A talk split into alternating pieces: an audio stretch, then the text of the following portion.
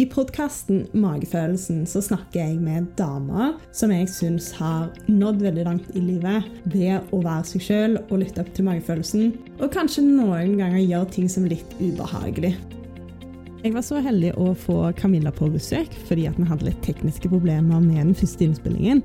Og det passet egentlig veldig fint med tanke på situasjonen jeg står i, for jeg har jo akkurat gjort det slutt med min samboer så lanserer jeg en tre episode om det å gå gjennom et brudd, og litt sånn mekanismer rundt det som jeg tror Altså, Jeg har jo allerede snakket litt om min erfaring, men Camilla er jo faktisk parterapeut og gir meg noen gode råd i denne episoden som jeg tror mange kan ha god nytte av. Og så går vi litt inn på det med nærhet, sex og måter å tilrettelegge for å ha det bedre i forholdet på den måten, da. Og det, det er noe som jeg har savna mye i Norge. Det er mange som kan ha godt av det å snakke litt mer åpent om det, både i parforholdet og med andre, og finne måter å møte hverandres behov bedre på, da. Både seksuelt og bare i livet generelt. Kos deg med denne episoden, og ha en fin dag. Syns jeg er litt vanskelig, for jeg er et sånn veldig positivt menneske som på en måte eh, Jeg distraherer meg lett, da. Eh, og da går det tilsynelatende bra, men sånn, så skal jeg legge meg, og så får jeg ikke sove, for da kommer jo alt. Ja, det er klart. Um, så det er faktisk en ting som, uh, som kan være nyttig å vite. Hvor positiv skal du være i Mm. en bruddprosess? Mm. Du er hjemme hos meg nå, Mm. og jeg har ikke tatt ned f.eks. bilder av meg og min partner. Ja. Eh, som eh, høres veldig rart ut, kanskje, men litt for å sørge for at jeg står i den sorgen og gråter litt innimellom og blir påminnet Mm. eh, dette her nå, sånn at jeg kan komme meg videre. Men så er det hvor lenge skal jeg gjøre det, og hva er positivt og hva er negativt i sånn prosess? da? Mm. Har du noe råd relatert til det? Da må jeg bare få spørre deg litt om hvordan er det du tidligere har håndtert en, en sånn bruddprosess. Har du vært den som står i stormen, eller har du skjøvet det unna? Siden du nå sier sjøl at du tvinger deg litt igjennom å se på de bildene, er det fordi at du tidligere har gjort det på en annen måte? Eller hva, vil du fortelle litt om det? Um, første store jeg hadde, da var det jeg som gjorde det slutt. Da tenkte jeg liksom at jeg var veldig ferdig når Mm. jeg var ferdig med bruddet. Og så på en måte bare heiv jeg meg ut og liksom Hadde jo en periode hvor jeg liksom var singel, men jeg data veldig fort. Um, og var liksom på byen og flørta og levde livet og var sosial, fant på mye gøy. Og da tror jeg ikke egentlig at jeg, jeg lot meg sjøl være så veldig lei meg. Mm. Mm, andre store brudd jeg hadde, så det var egentlig en mer krise. Hele, hele livet mitt, egentlig. Jeg mista jobben. Eh, vi Ja. bodde sammen, eh, så jeg måtte flytte. Og, et ganske vanskelig brudd samtidig. Og da Jeg var nok mye lei meg. Eh, det var jeg. Men jeg, jeg tror nok jeg brukte òg mye tid på å distrahere meg sjøl. Mm. Mm, og eh, heldigvis så begynte jeg lærte meg å meditere i den perioden, så, Ja. det, så det hjalp. Men eh, det er fire år siden nå, Mm. og jeg var på yoga retreat i fjor, og det var en eh, av de tingene som jeg virkelig kjente liksom satt igjen som en traume og en sorg fremdeles som jeg ikke helt hadde sluppet. da, fordi at det var Jeg tror ikke jeg hadde bearbeidet det på rett måte. Så derfor så har jeg nok litt en sånn denne frykt nå Mm. for å på en måte dra dette her med meg, og ikke gi helt slipp. Og, at det skal sette seg som frykt, da. For det var det det andre forholdet gjorde. At ja. det satte seg som frykt i meg og ga meg noen sånn negative handlingsmønstre, hvis du skjønner.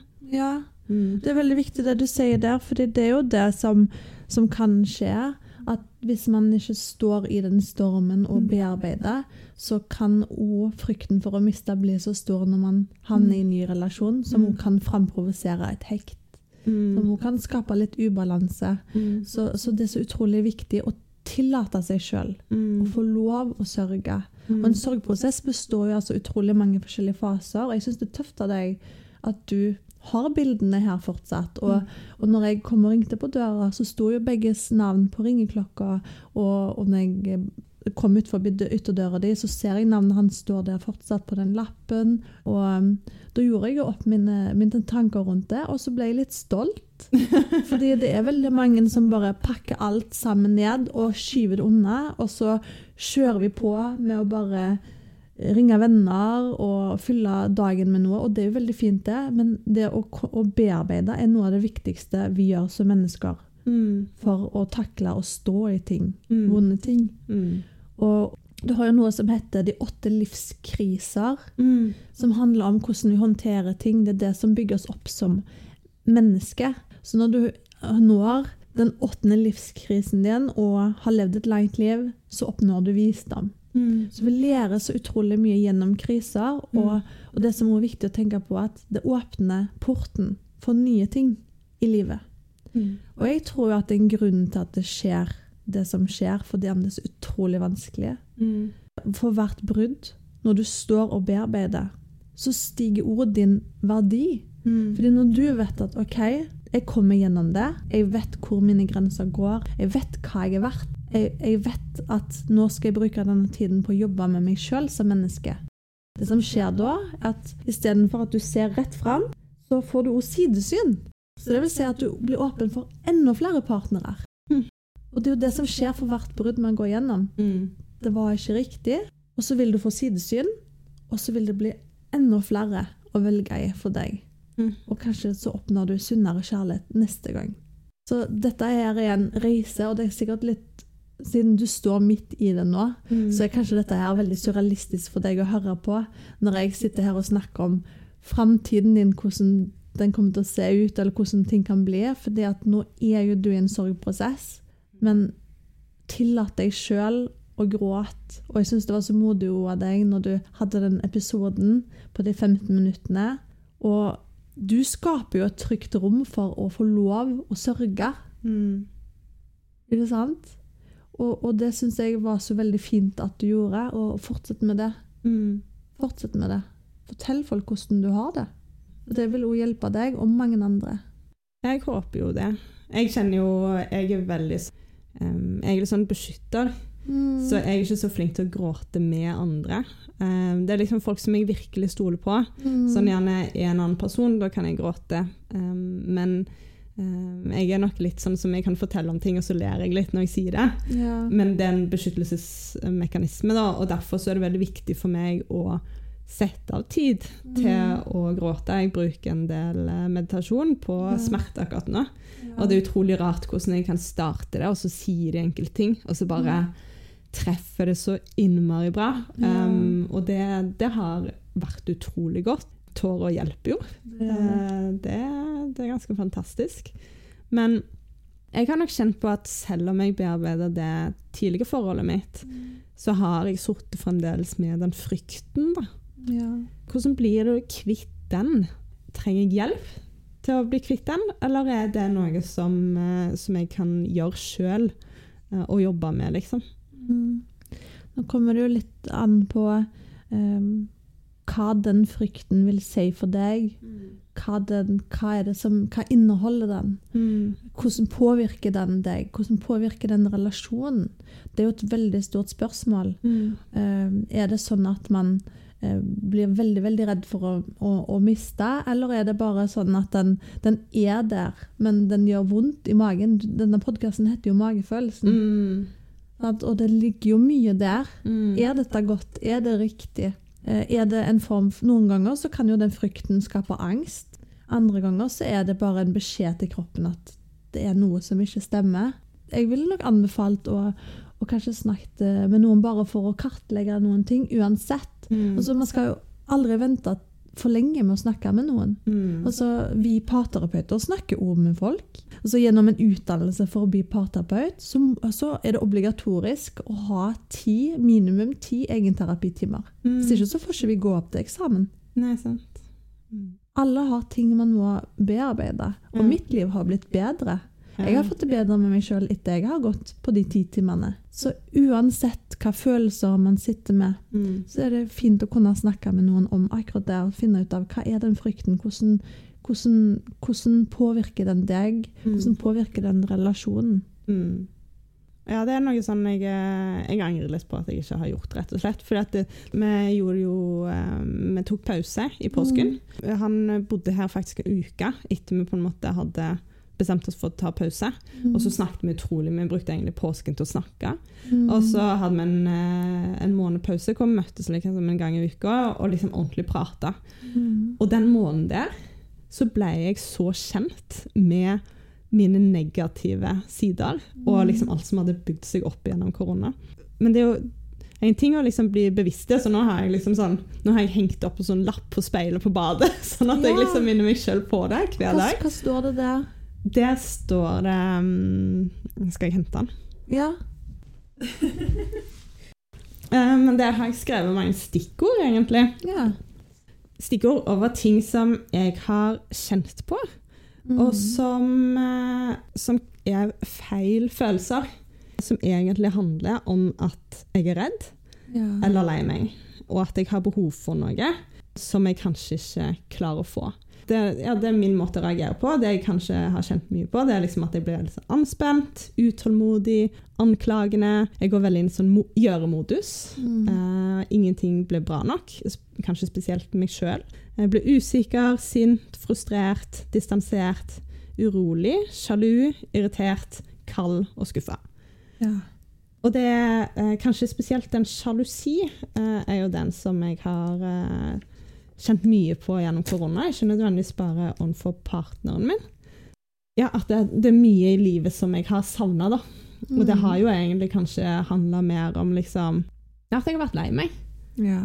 Og at det, at det er ting som jeg har savna i livet som jeg kanskje burde ha jobbet mer for å få inn. da. Eh, jobbet kanskje mer med meg sjøl. Sånn jeg husker på videregående så var det en jeg gikk i klasse med som prøvde å gjøre meg irritert. Ja. Og jeg bare lo. Jeg var, liksom, jeg var bare alltid i godt humør. Mm. Så jeg har noen venner som liksom bare alltid er i godt humør. Og jeg òg er jo mye mer glad når jeg er liksom sosial enn kanskje jeg er hjemme. Det er Ja. nok litt naturlig. Mm. Men da kjenner jeg at jeg har blitt sånn sjalu på de vennene mine, fordi at jeg tror jeg bare jeg savner at jeg var sånn før. da. Mm. Nei, så det, dette er sånn, det er min lapp. Jeg skal ha en, et par uker fri nå, så skal jeg lese den uh, Nonviolent Communication-boka på ny. Ja. Og liksom For å på en måte sørge for at jeg kommuniserer rett følelser. Ja. For at det er vel det jeg har blitt bevisst det siste året, at jeg kanskje har begynt å kommunisere feil følelser. Og det med sekundære og primærfølelser, at vi Mm. blir jo kanskje sinte, Og så egentlig så er det en frykt baki der. Mm. Og så på samme måte som vi krangler om oppvasken, men så handler det ikke om oppvasken. Nei. Det handler om de dype følelsene som vi kanskje vi er litt, litt redde for å si hvordan vi egentlig har det om ting. Mm. Og da er det mye tryggere å, å kommunisere ut enten eh, oppvask, eller bli sint, eller Mm. irritert. Så det er jo litt det som jeg ser på det arket der, da. ja, ja. Men det var veldig rart, for Mm. jeg, jeg kjenner meg så igjen i dem. Ja. Og så gjør det at jeg, jeg blir så misforstått, Mm. hvis du skjønner. ja. Men så må jeg jo bare få si til deg at uh, det der er helt normalt for alle. Ja, Bare sånn, sånn at du vet det, da. ja. ja. Det er helt normalt for meg, det er helt normalt for alle du går Mm. forbi i gata. Mm. Det er helt normalt at vi kommuniserer ut det som er tryggest Mm. der og da. Mm. Og det kommer litt an på altså i, parterapi eller i egenterapi så pleier jeg å også spørre f.eks. da Vil du tenke tilbake en, en eller annen opplevelse i barndommen din, om det var i skolegården eller om det var hjemme hos foreldrene dine når de krangla? Vil du fortelle litt om situasjonen, og så snakker de kanskje litt om situasjonen. Og så spør jeg Hvis du skal sitte her og sette et par ord på hvordan du følte det der og da, hva tenkte du Mm. når du så de krangla, og hva gjorde du? Og da kan det f.eks. være sånn Jeg sa ingenting. Jeg trakk meg unna. Eller jeg ble sint og gråt og slo. Mm. Ikke sant? Så dette her tar vi med oss når vi blir voksne. Og når, når vi opplever en vanskelig situasjon, så kan det enten være da eh, flykt Mm. eller kamp. At man, så, så dette tar vi jo med oss. Så bare det å bli bevisst over ok, hvem er jeg i en vanskelig situasjon, og hva Mm. gjør jeg? Ja. Går jeg med en gang i selvforsvar, eller flykter jeg unna? Eller kommer jeg med spydigheter, f.eks., noe som er helt normalt. Ja. ja. Det er bare så viktig å normalisere det som Mm. du snakker om her, for dette Mm. her er jo ikke feil, dette er helt normalt. Ja, ja. Men det er jo noe med, selv om det er normalt, så er det noe jeg ønsker å jobbe med. Det er Fordi at det gjør så vondt Mm, å være misforstått i et forhold. det det. For når du er lei deg og er redd, og så blir du irritert og utålmodig og anklagene, Mm, så får du ikke en klem. du gjør ikke det. Um, så det gjør at du går rundt og er så utrolig mye lei deg. Mm, Og derfor så ønsker jeg å bli flinkere, selv om det er unormalt. ja. Så ønsker jeg for min egen del altså Det blir jo bedre for partneren òg, men for min egen del, for at jeg skal ha et godt liv. Mm. Så hvis jeg kan halvere det, iallfall? Mm. så, så ville det hjulpet så mye, da. Mm. Mm. Kan jeg få gi deg et lite råd? Mm. Når jeg ser på det arket der, så ser jeg òg en bevisstgjøring som er veldig viktig å ha. Men kunne du lagd et nytt ark, Mm. og så snudd ordene litt mer positivt? Mm. Bare sånn at du anerkjenner deg òg. Mm. At du ikke blir for selvkritisk. Sånn som IVK, da, som Nå har jo du lest den boka Mm. før. For eksempel skriv en setning. Si hva jeg har behov for, før Mm. jeg blir lei meg. Eksempel. Mm. Eh, at du skriver noen setninger i IVK, da, Mm. Kommuniser ut hva jeg blir glad for. Det er to lapper, Ja. skjønner du. Det er en oh, ja. lapp inne på oh, er det det, ja? Ja. Den er mer der. Det er mer det sånn når jeg er irritert. Så på en måte det å hente meg litt inn Veldig ofte så er irritasjon Hvis jeg identifiserer den, så kan den være veldig kortvarig. Men hvis jeg ikke prøver å finne ut hva det er, så kan det være at han, liksom, at han henger over meg, og så tenker jeg at den personen er så dust. ja. Er sant? Eh, og så plutselig, hvis jeg tenker litt over, så bare sånn Nei, altså, det går helt fint. Du var ikke så nøye, liksom. Sant? Det å bare bruke det sekundet på liksom, hvorfor er jeg egentlig irritert nå. Hvorfor er jeg anklagende? Hva handler det egentlig om? Men den andre lappen handler egentlig mer om eh, hva jeg skal gjøre. Ja. Mm. Men så bra. Det er jeg Mm. glad for at du har. At du Ja. har en sånn lapp. Mm, mm. Det, jeg bare måtte bare passe på at du ikke var for selvkritisk. det, det er veldig fint at du er det, det er lett å være litt selvkritisk. Ja. Men jeg har funnet ut at sånn stikkord det kan funke ganske bra. Fordi Ja. at du, Å liksom ta seg sjøl litt i det. Mm. Og bare være litt sånn jeg, jeg er egentlig ikke disse tingene. Mm. Hva, hva er det det egentlig handler om, hvis du skjønner? Ja. Mm, jeg hang den opp her om dagen, og det har hjulpet allerede. Ja. ja, det er kjempebra. Så, da, så da, den hjelper deg litt til å lande. Og så når du alarmberedskapet ditt som det heter, da, tikker inn, og hjertet hamrer, og Mm. Flytter fokuset fra det kognitive til det limbiske, sånn som Mm. vi snakket om, så reagerer vi sånn som vi er vant til. Så den lappen der hjelper deg litt med å lande og bare OK, Mm. dette er det som skjer nå. Ja, Huh.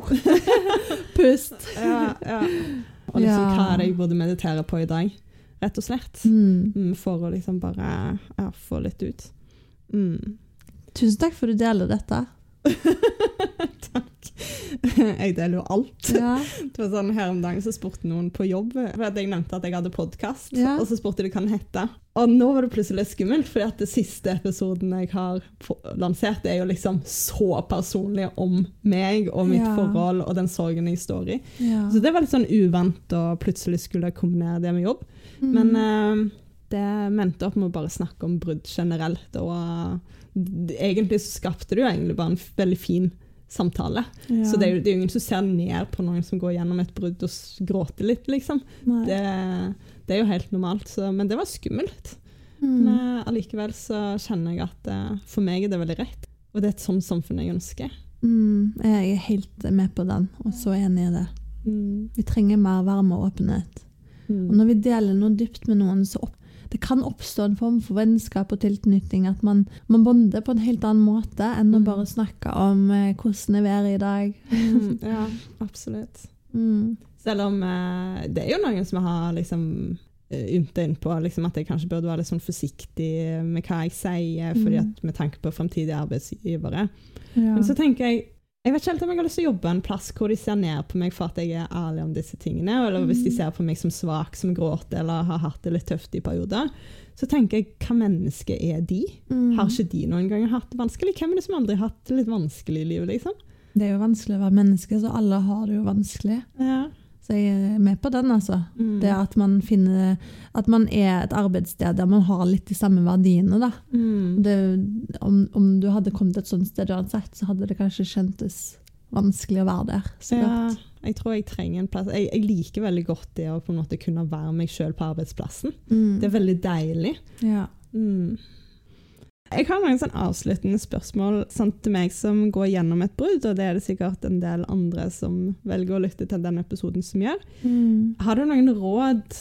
Hvordan kan jeg vite om jeg er klar for å date? Det, å liksom, for det har jeg kjent litt på at jeg har plutselig sånn, så innser du sånn Oi, du skal være nyforelska på ny. Du skal dra på første date på ny. Og dette er jo liksom sånn Det er jo sånn ting når du er i et forhold som du tenker Å, det skal jeg aldri gjøre igjen. Mm. Men sant, som òg er en hyggelig ting, og det klarer jeg allerede nå å liksom tenke. Sant? Men sant, sånn en time etterpå sant, så sitter jeg og gråter, og så er det sånn OK, men ikke ennå. Mm. Og så kan det jo òg være lett å tenke å, kanskje jeg skal laste ned Tinder og så flørte flørte litt. Men er det da å distrahere seg sjøl? Er det egentlig positivt? Hvordan skal jeg kjenne det i meg sjøl når jeg er klar, hvis du Mm. skjønner? Ja, jeg forstår veldig godt hva du mener. Mm. Dette snakker jeg mye eh, om med de som kommer til meg etter Mm. brudd. Mm. Eh, noen ganger så har jeg òg at to kommer sammen, eh, begge to, for å bearbeide bruddet sammen. Andre ganger kommer de alene. Og det er jo tilfeller der man Det som kan skje når man står i en sorg, da, hvis man begynner for tidlig å date, så eh, har jeg kategorisert det som trøstedating. Mm. At man- Rebounds. ja, og, og, og det er fint, det. Men, men det som kan skje, er at man skaper en tilknytning med en annen person uten egentlig at man er klar, Mm. og at man er så opptatt av den trøsten at man egentlig ikke helt ser hvem personen er. Mm. At man bare er med den personen fordi man er ensom og bare trenger den trøsten, og så plutselig så ble man sammen. Mm. Og så har man egentlig ikke gått gjennom den sorgen. Altså, man, jeg syns jo det er fint å date, men bare ha det i tankene. Mm. Uh, stå litt i den sorgen og finn dine ressurser. Hvilke mennesker er det som du har godt av å være med? Hvem er det du trives med sammen nå? Hvem er det du er trygg nok til å åpne deg opp sammen med? Fordi da klarer du lettere å se hvor du er i sorgprosessen før du går inn i en ny relasjon, så du ikke går inn i en ny relasjon på feil grunnlag.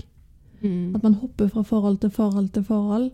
Eh, Fordi den verdien du som menneske har, den verdien er så viktig å bygges opp igjen. fordi når man blir knust, så tar det tid å reise seg igjen. Mm. Hvis du klarer å gjøre det uten å ha noen som trøster deg, så du blir sammen med på feil grunnlag, det er så viktig. For da, kan du jo først finne ut av hvem du egentlig vil ha. Så noen ganger så ser jeg sånn Når du begynner å bli litt sånn smålei av å henge ditt eget selskap, men på et godt grunnlag, så kan du være klar igjen. Mm. Eh, Men det, det går jo an å så- ha lekepartnere, for Mm. ikke Mm. sant? Men bare vær litt trygg på at du har en person, en god venn, Mm. eller et søsken, eller en person, eller en terapeut gjerne, Mm. som kan passe litt på deg Mm. når du står i stormen, sånn at du ikke blir sammen med noen på feil grunnlag. Og så er det òg en ting som er viktig å si, at når man er på det såreste punktet, så er det òg noen mennesker i livet som man ikke har så godt av. Så veldig mange nå kan havne i usunne parforhold med enten en form en narsissist, eller Mm. noen som ja, eh, går, kobler seg lettere på sånne empatiske mennesker som, som trenger den trøsten. da. Ja. Eh, Så um, ja, man signaliserer noe som menneske når man går i en, en sorgprosess som kan gjøre at man kan tiltrekke seg eh, usunne mennesker, rett og slett. Ja. Ikke for at jeg skal lage noe sånn skremselspropaganda, men, er bare for sånn faglig perspektiv, da. Ja, men det er veldig nyttig å vite. Mm.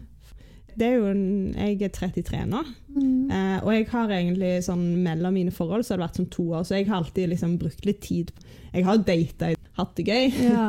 men uh, ikke Jeg har liksom brukt litt tid mellom hvert forhold, men når du er 33, så tenker jeg at jeg tror ikke jeg vil at det skal gå to år, Mm. men jeg vil heller ikke at det skal gå for kort tid.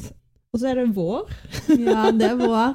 Så det, det gjør jo at du liksom blir litt sånn Å, det er jo egentlig et godt tidspunkt å, å liksom være i det på. Men Mm.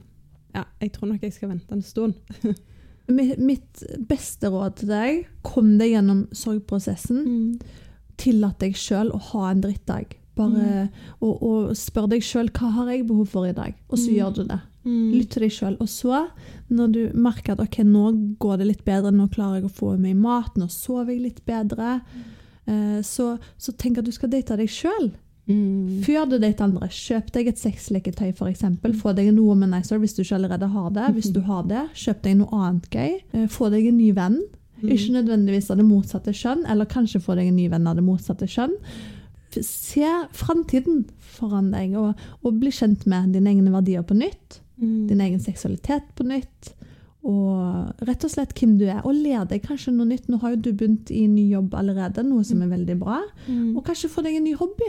Et eller annet som du kan fylle inn i det livshjulet ditt. Date deg sjøl, og, så- og så bare begynne å, å, å kose deg litt. Men, men òg tenk at det tar litt tid, altså. Mm. Bare anerkjenne at den sorgprosessen her, den kan ta litt tid. Mm. Det å finne tilbake til seg sjøl og ja, like seg sjøl. Liksom, ja, selvtilliten jo, Ja. går jo alltid litt sånn Jeg kjenner jo litt på det at det, det er ting som jeg liksom angrer på med mitt tidligere forhold, er ting som jeg tenker sånn OK, nå har jeg gått inn i litt sånn destruktive mønster. og det er liksom Mm. jeg vil jo egentlig ikke ta dette inn i et nytt forhold. Jeg vil jo først Ja. kanskje jobbe meg gjennom det og liksom finne litt tilbake, og så mm, Det er gode tips. Og kanskje spesielt det med søvnen. For at jeg Ja. kjenner jo at jeg Søvnen eh, er ikke helt på topp. Nei. Og det å gå turer så, så, Mm. Nå skal ikke jeg, jeg er ikke noe PT, eller noe sånt, men jeg vet veldig godt at hjernen er veldig glad i fysisk aktivitet. Mm. Og det å kanskje enten jogge seg 20 minutter, eller Mm. en, gjør en form Du gjør jo yoga, som er veldig Mm. fint, men kanskje det er bare å være ute i naturen Mm. og, og være aktiv eh, Mm. en gang om dagen. Så, så finn ut av eh, sånn så, hva er det som generelt sett gjør oss glad. Sånn så, nå er det sol, heldigvis. Da Mm. får vi D-vitamin. Mm. Sover vi godt, så er det melatonin, som er et søvnhormon, som òg kan gjøre at vi eh, blir mer glad. ikke sant? Eh, og det med sexleketøy, som, som kan eh, gi oss seksuell nytelse, som òg fyller kroppen med masse gode hormoner. Mm. Så spis sjokolade. ikke sant? Dopamin. Så, så bare kos deg Mm. med de tingene som, som, eh, som er å, å ta fra det perspektivet, da. Og når vi er inne på det, så må jeg jo Vi snakket om dette her i stad, men Ja. jeg må tipse alle jenter som Ja. ikke kjenner sin egen kropp, Ja. om nettsiden hennes som heter Oh My God Yes. Mm. Som eh, du ikke kjente til, men som jeg eh, er nødt til å bruke mye mer tid på. Og det er rett og slett en nettside som veileder kvinner til å bli kjent med sin egen kropp. Som er forskningsbasert, hvor de Mm. har eh, jeg tror, det, jeg tror det er sånn 30 000 kvinner noe sånt som har deltatt, som har delt av liksom, eh, hva som får de til å komme. Mm. Og så er det faktisk veiledningsverktøy, hvor det er filming av hvordan de demonstrerer hvordan, dette her, hvordan de kommer. da Ja. som jeg syns er noe som alle burde prøve ut. fordi Mm. at kanskje spesielt i Norge så er seksualitet og det å ta på seg sjøl og gjøre andre ting enn å penetrere, Mm. eh, det er nok en ting som folk ikke kjenner så godt til. Ja. Så det burde jeg bruke mye tid på. Ja, det er kjempeviktig. Seksuel, seksualitet og seksuell nytelse, sånn som det kan gi, det, det er jo Altså, seksualdriften er jo det er jo den nest sterkeste eh, driften i oss mennesker, annet enn overlevelseinstinkt. Og det er det Mm. siste vi tar med oss når vi dør. Så det er en drift som vi bør finne ut av. Og seksualitet er jo flytende, så den kan jo endre seg i løpet av et langt liv. Og det er jo mange som lever sammen med en partner uten å vite hva de egentlig liker seksuelt, Mm. fordi kanskje det har endra seg. Så det er utrolig viktig det du sier der. Jeg gleder meg til å sjekke opp den nettsiden. Mm. Jeg, jeg fikk så vidt slått den opp i stad. Ja, det er gøy. Det, det er noe jeg tror jeg ønsker å snakke mer om. Mm. For jeg ser uh, Når jeg var yngre, så snakket vi mye om sex. Og type, Mm. Jeg tror det er mange som snakker om det i den perioden hvor sex er veldig nytt og spennende. Ja. Men jeg tror i parforholdet så er liksom det noe du ikke snakker så mye om fordi at det er liksom så privat. Og du vil ikke henge ut partneren din.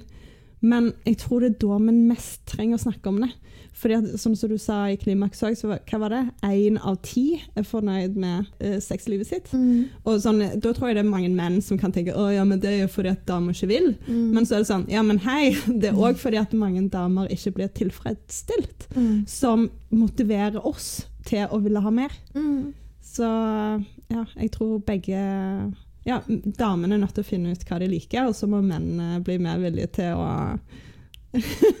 steppe opp og og gjøre det som, som de syns er bra. Da. Og det kan man jo gjøre til Man kan gå og fortelle sin seksuelle historie til en sexolog, f.eks. Mm. Og så, og så starte den reisen der. Mm. Eh, og så kan man få veiledning. Um, F.eks. hva er det som er sensualitet? Hva er intimitet for deg? Og så formidle det videre til partneren sin, f.eks. Mm. Eller gå sammen. Det kan Mm. man òg gjøre. Ja, det er spennende. Det er noe som, eh, ja, som jeg, jeg syns er utrolig kult at du har fokus på, fordi jeg tror vi trenger mye mer av det. Mm. Vi trenger mye mer av det. Og, og det er så utrolig viktig at altså, Jeg er jo mamma, Mm. eh, og min datter er nå tre år. Jeg har jo gitt en bok til Mm. barnehageavdelingen Mm. som heter 'Hvordan lager man barn?' For at Mm. barn skal se forskjellen på hva som er rett og galt. Mm. Eh, Fordi i forhold til det med å forebygge overgrep da. Overgrep skjer jo i familiesammenhenger og barnehage og skole. Det er jo der de fleste overgrepene skjer. Ja. Og Derfor må barn vite hva et overgrep er tidlig. Mm. Sant? Og da er det jo, som meg som mamma, og som jeg studerer jo sexologi, så er det viktig for meg å formidle til datteren min at dette her er det, og det er det. Og dette her er dine grenser, og ditt nei er helt eh, riktig. Mm. Og det kan man jo ha hatt en, man kan jo ha hatt en hel episode om å snakke om akkurat det, men Ja. eh, det er så utrolig viktig at Ja. barnet forstår forskjellen. For hvordan kan man fortelle om et overgrep hvis man ikke vet hva et overgrep er? Ja, og sex er jo så tabubelagt Mhm. i iallfall det norske samfunnet. Mhm. Det er ikke noe vi snakker åpent om med foreldre i det hele tatt. Nei, og, og, men samtidig så må jeg jo normal, eller jeg må jo anerkjenne litt foreldrene der ute. Og at, altså ja, jeg forstår at foreldre stoler på systemet, Mm. det offentlige systemet. At systemet tar ansvar for den seksualundervisningen. Men ikke stol på det! ikke stol på det, for det eksisterer ikke i alle kommuner. Det gjør dessverre ikke det. Så derfor må foreldrene ta et form for ansvar tidlig for å beskytte barnet sitt. Og det kan man gjøre på ulike måter. Mm. Jeg tror vi avslutter der, jeg. Ja, Ja. det, ja, det ble jo en lang episode. Det har vært veldig lærerikt å lære masse om parforhold, og jeg håper flere har lyst til å oppsøke noen og tenke Ja. at det er ikke bare enkelt å være i parforhold alltid, men det er ikke dermed Mm. sagt at det ikke kan bli veldig bra om en stund, og spesielt ikke Mm. med litt arbeid. Takk for i dag. Jo, tusen takk for at eh, jeg fikk eh, komme i denne podkasten. Ja. Eh, så, så man kan jo følge meg på Instagram, på Kjærlighetsterapeuten. Eller så kan man følge meg på Snapchat på Camilla Terapeut for råd og tips og inspirasjon. Det vil jeg anbefale. Hvis du liker denne episoden, så lytt veldig, veldig gjerne til noen av mine andre podkastepisoder. Jeg har intervjua noen av de kuleste damene i Norge, så her er det masse inspirasjon å finne. Jeg bare kjenner meg så beæra som har fått lov til å snakke med dem. Og jeg håper at du òg virkelig kan finne noe i disse samtalene som gjør at du tør å ta valg som er rett for deg, at du tør å kanskje ta tak i noen ting som ikke funker helt, sånn at du får en hverdag som du trives med, både på jobb og i hverdagen. Det er veldig mange ulike episoder, men det de fleste handler om, det er hvordan å nå mål, og hvordan å gjøre det som er bra for deg, samtidig som du gjør noe som er bra for samfunnet. Og Derfor så har jeg stort fokus på temaer som mental helse, helse, likestilling, bistand og bærekraft. Dette er temaer som jeg syns er kjempespennende og så viktige i den verden vi lever i. Og det håper jeg at du òg syns, og derfor la deg inspirere. Sjekk meg ut på sosiale medier. På Instagram så heter jeg Magefolsen med OE.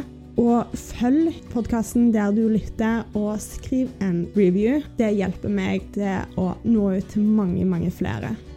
Så ha en fin uke, og så snakkes vi snart.